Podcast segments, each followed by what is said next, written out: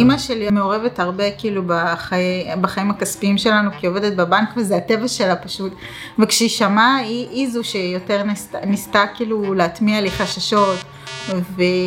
ובסופו של דבר אה, התחלתי להסביר לה שזה יותר מדי אה, יותר מיני דברים כדי להפוך את זה ללא אמיתי, שאת יוצרת קשר עם עורכי דין, ואז עם רשויות אה, באנגליה שאת צריכה לשלוח להם את הפרטים שלך, ומחזירים לך עוד מכתב, זה לא שלא מגיע לך מכתב. ואז כשהתחלתי להראות לה גם, אה, אתמול שלחתי לה, נכנסה לשכירות שלישית, שלחתי לה, זה עשתה לי כזה ככה, היא כבר נראה לי קצת אה, פחות חוששת לגבי הכסף שלנו.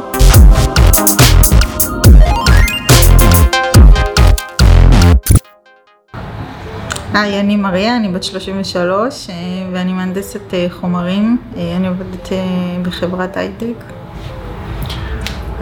יבגני, בן 38, נשוי למריה, פלוס שתי בנות, עובד במפעל.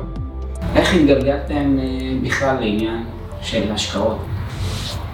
האמת היא שזה כזה בא ממני. זה התחיל נראה לי בתקופת הקורונה, אולי טיפה לפני, אה, אה, ראינו שיש לנו קצת כסף אה, בחשבון בנק ולא, לא כך ידעתי, רציתי קצת לשדרג את הדירה שלי, אבל כל הזמן הסתכלתי על המחירים. רציתי דירת גן והסתכלתי על המחירים וכל הזמן אמרתי לעצמי מה, כאילו אני אוסיף מיליון שקל בשביל גינה ועוד חדר כאילו קטנצ'יק, זה נראה לי לא, לא הגיוני. ואיכשהו התחלתי אה, להקשיב לפודקאסטים, אני הייתי עושה הליכות, הייתי מקשיבה לפודקאסטים וכנראה כשחיפשתי נדל"ן אה, אז עדי ורוני קפצו לי בפודקאסט שלהם, אה, זה משך אותי, פתאום נכנסתי לזה, התחלתי להקשיב, ממש הקשבתי לכל הפודקאסטים והיו הרבה פרקים, המון פרקים. אז היה לי נראה לי איזה שנתיים של פרקים להשלים, אז הייתי עושה הרבה הליכות.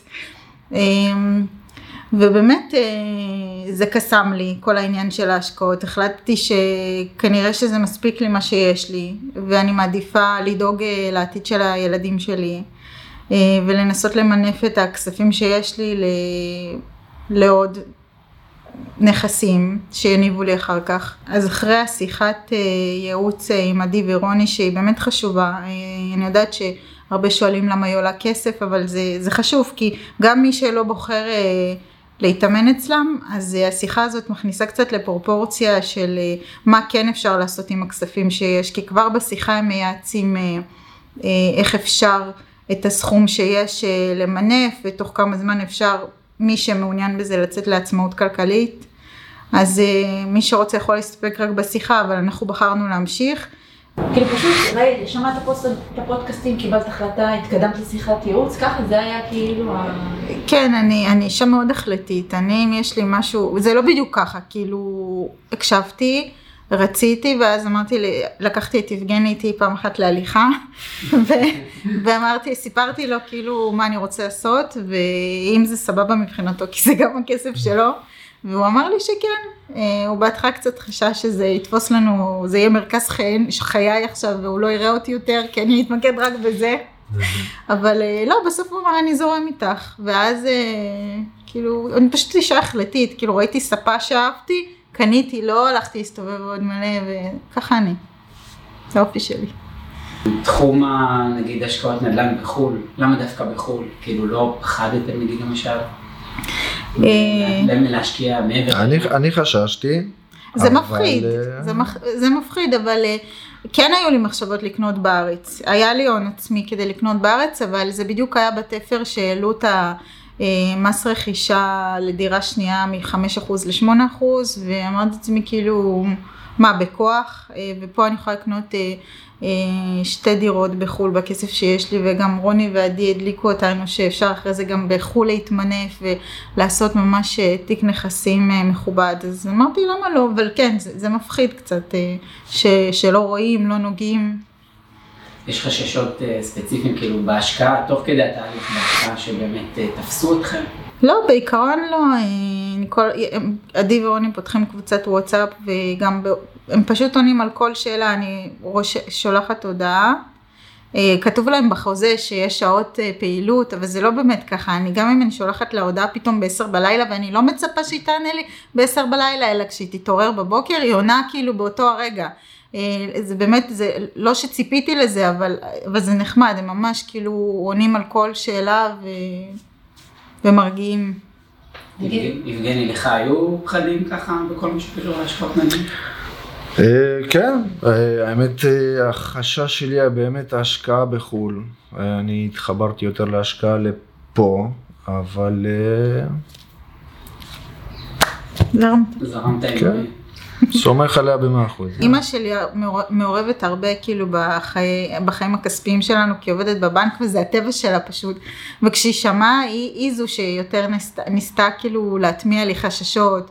ובסופו של דבר אה, התחלתי להסביר לה ש, שזה יותר מדי, אה, יותר מדי דברים כדי להפוך את זה ללא אמיתי, שאת יוצרת קשר עם עורכי דין, ואז עם רשויות באנגליה שאת צריכה לשלוח להם את הפרטים שלך, ומחזירים לך עוד מכתב, זה לא שלא מגיע לך מכתב, ואז כשהתחלתי להראות לה גם אה, אתמול שלחתי לה, נכנסה לשכירות שלישית, שלחתי לה, זה עשתה לי כזה ככה, היא כבר נראה לי קצת אה, פחות אה, חוששת לגבי הכסף שלנו, אבל הקטע עם הלהעביר את הכסף, פחדתי שזה, אני אתבלבל באיזה ספרת אייבן, כי העברתי את זה מהחשבון בנק, לא דרך הזה, אז פחדתי ש... אני אלחץ על איזה ספרה וזה הגיע לחשבון בנק אחר, אבל בסוף זה כן הגיע, בדקתי את עצמי מהפעם וזה הגיע. מה, מה מהדברים שרוני ולי עושים באמת הפיג לכם קצת את החששות? אמ, שהם מסבירים את הכל אה, לפרטי פרטים, והם גם נותנים אה, לי לעשות את זה, זה לא שמישהו, יש איזו מזכירה שיושבת וכותבת במקומי. כל דבר, כל מסמך, אה, יושבים איתי, מסבירים לי מה זה, כשחותמים על המסמכים לדירה, אז יש ממש שיחה, קובעים איתי שיחה ואני חותמת, מדפיסה את המסמכים, חותמת על המסמכים, שולחת את זה, מסבירים לי מה זה המסמכים האלה. זה לא שיש גמד קטן מאחורי הקלעים שעושה את זה במקומי, אני עושה הכל. אה, מה, מה בעצם האופק שלכם? כאילו, מה, איך אתם רואים את עצמכם, נגיד, בעוד כמה שנים? כאילו, להתבסס כאילו בכל הקטע הזה באמת של השקעות נדל"ן? כאילו, מה נקודת ה finish שלכם בראייה קדימה? אני בעיקרון הייתי רוצה להמשיך לעבוד ולהתפתח, אה, לעשות כל מיני דברים שעושים לי טוב, ויבגני הוא עובד במשמרות, אני הייתי רוצה שהוא יוריד אחוזי משרה ולא, ולא יצטרך לעבוד כל כך קשה, אז הייתי רוצה שיהיו לנו הכנסות כאילו מנדל"ן, ו... ועל חשבון זה הוא יוכל או לא לעבוד או לרדת באחוזי משרה. כל העניין של יוקר המחיה, כל מה שקורה פה מסביב, העלייה של המחירים בדברים הבסיסיים, בכל מה שנוגע לדירות, לבתים, איך, איך זה משפיע עליכם כאילו מבחינת ההחלטה להמשיך ולהשקיע? כאילו גם הריביות מת, מתייקרות, אז אה, איך זה משפיע על ההחלטה או על הניהול של כל ההשקעה מכאן? המשכנתה שלי על הדירה שלי, על הדירת מגורים שלי, היא עלתה מחודש הקודם לחודש הזה אה, ב-250 שקלים, וזו רק המשכנתה וגם הביטוח עלה. אז זה יוצא בערך 350 אה, שקל התייקר. אנחנו מרוויחים יפה, אבל אני לא אשקר, זה, זה כן מפריע לי, כי זה פוגע בכושר החיסכון החודשי שלי, ושמתי לעצמי ליד כן לדאוג לילדים שלי להמשך, כי אני יודעת שעם המחירים של היום לא, לא תהיה להם דירה. אם אני הייתי משקיעה את כל הכסף שלי בדירת מגורים שלנו, אז פשוט הייתי צריכה לחלוק אותה איתן אה, ועם הבעלים שלהן בעתיד, אז אה, החלטתי ש, שאני צריכה לעשות את ההשקעות נדל"ן האלה, וכן, אה, זה ממש מפריע ללכת לסופר ואנחנו לא, לא קונים אה, בשר או דגים או דברים יוקרתיים ואני יוצאת עם קניות כאילו של 400-500 שקל, הדברים בסיסיים. אז אה, החלטתי שאנחנו חייבים את זה בשביל לשרוד. יש לכם משהו שהייתם רוצים להגיד בנימה אישית לרוני ועדי? אה, תודה רבה על הליווי הצמוד. באמת מרגישים את ההשקעה שלכם ואת הסבלנות שלכם. אה, אם יש מישהו שמתלבט אה, כי הוא חושב שזה תרמית, אז, אה, אז זה לא תרמית. באמת קיבלתי את השכירות שלי ו... וההשקעה בסוף תשתלם, אני בטוחה בזה.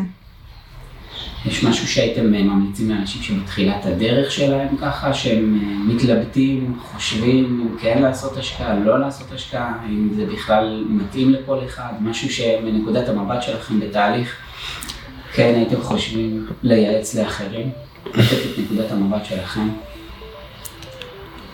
אה, אני ממליץ לבן אדם שזה מעניין אותו, כמו שזה מעניין את מריה, להשקיע בזה. ואם יש לו בן אדם ליד שתומך, שיתמוך, זה עוזר, ואפשר רק להרוויח מזה, גדול. אם לא לוקחים סיכון כלשהו, אז גם לא מרוויחים. אז... ואני ממליצה לא לדחות דברים למחר, כי כל פעם שדחיתי משהו למחר, זה בסוף אה, התוודעתי לגלות ש, שזאת הייתה טעות, שאו שזה התייקר, או שזה לא השתנה במחיר, אבל הייתי צריכה את זה עכשיו דחוף, אז עדיף לעשות את זה היום, ולא לדחות את זה לאחר כך. אז זה נאמר על השקעות נדל"ן, או שזה יתייקר או שהמחיר לא ישתנה, ופשוט אה, חבל על כל הזמן הזה ש, שבזבזתי והייתי יכולה להרוויח על זה.